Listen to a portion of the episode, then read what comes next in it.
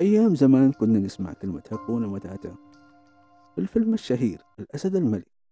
فهل تساءلنا إيش معناها؟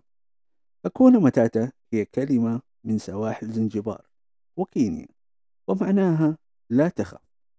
وفي أنغام الأغنية الشهيرة هكونا متاتا حق ما نغمها لذيذ.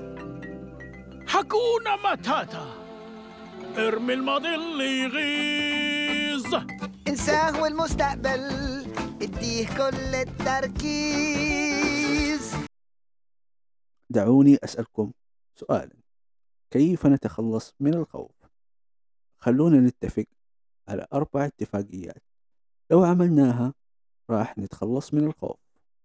الاتفاقية الأولى لا تخف وامشي عكس التيار. دائما الإنسان يخاف من المجهول والخوف من المجهول شيء طبيعي في فطرتنا. بتلاقينا بنخاف وبنبني سين- سيناريوهات كثيرة. مثلا إيش حيصير لو عملت كذا هل فلان حيعجبه؟ هل علان راح ينتقدني؟ وهل وهل وهل؟ وتلاقينا نبني عليها سيناريوهات كثيرة.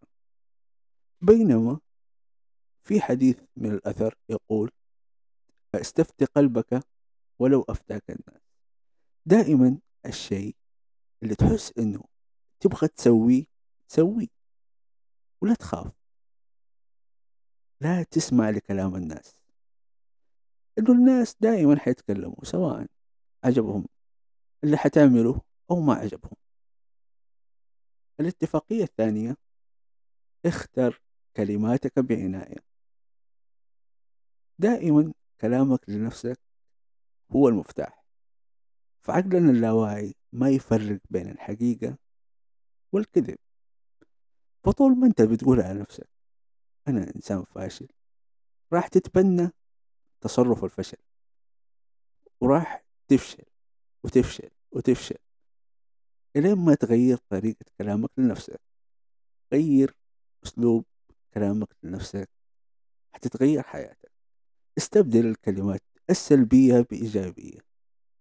دائما قوة الأنا خليها إيجابية. فمثلا أنا شخص ناجح. قولها بكل ثقة إنك إنسان ناجح. قول وافعل تصرفات الأشخاص الناجحين. أتعلم منهم وخذ منهم الأشياء الإيجابية.